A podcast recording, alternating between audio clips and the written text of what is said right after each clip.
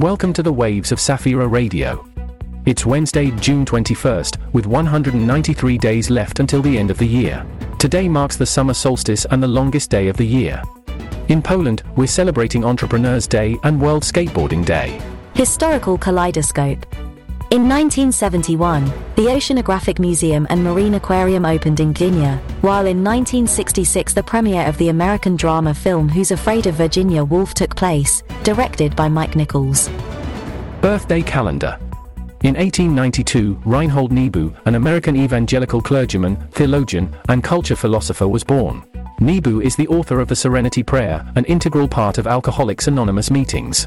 In 1919, Josephat Romanik, a Polish Greek Catholic clergyman was born. For his merits, he was awarded the papal medal Pro Ecclesia et Pontifice. News.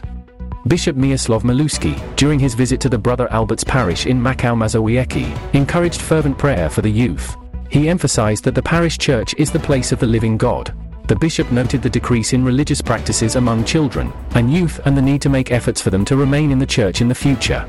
Angie Sutcliffe, an actress from London, and pub owners John Noble and Dave Christian, have visited refugees in Ukraine several times.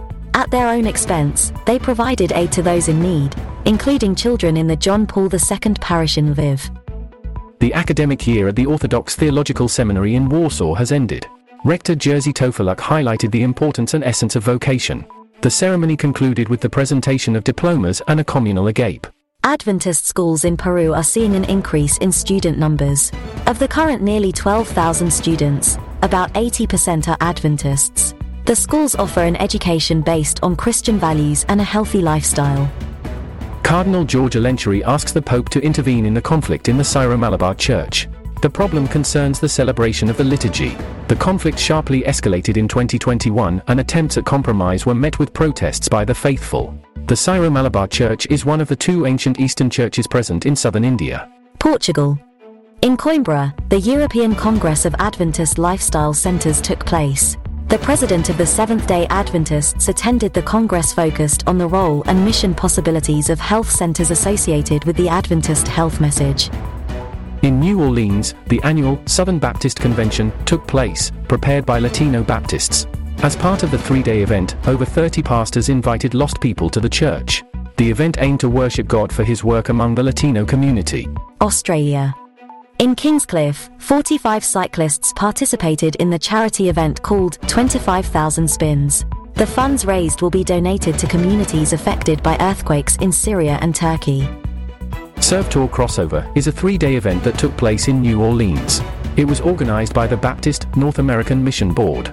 The organization set out to establish 300 non English speaking churches, and this goal was achieved. A physics teacher from Kenya, Paul Waru, transforms used laptop batteries into a drive for electric bicycles. His company named Ecomobilis is very popular, and bicycles are the favorite means of transport for couriers. This ecological alternative contributes to reducing air pollution in African cities. Tekla, the oldest Polish woman, recently celebrated her 114th birthday. The resident of Gliwice is the third oldest person in Europe and the eighth oldest in the world. She has lived through two world wars and witnessed many historical changes. Despite her age, she remains active and full of life energy.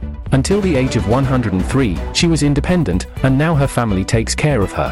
Her longevity is the result of good genes, a healthy lifestyle, and a cheerful disposition. This is Safira Radio. That's all for today.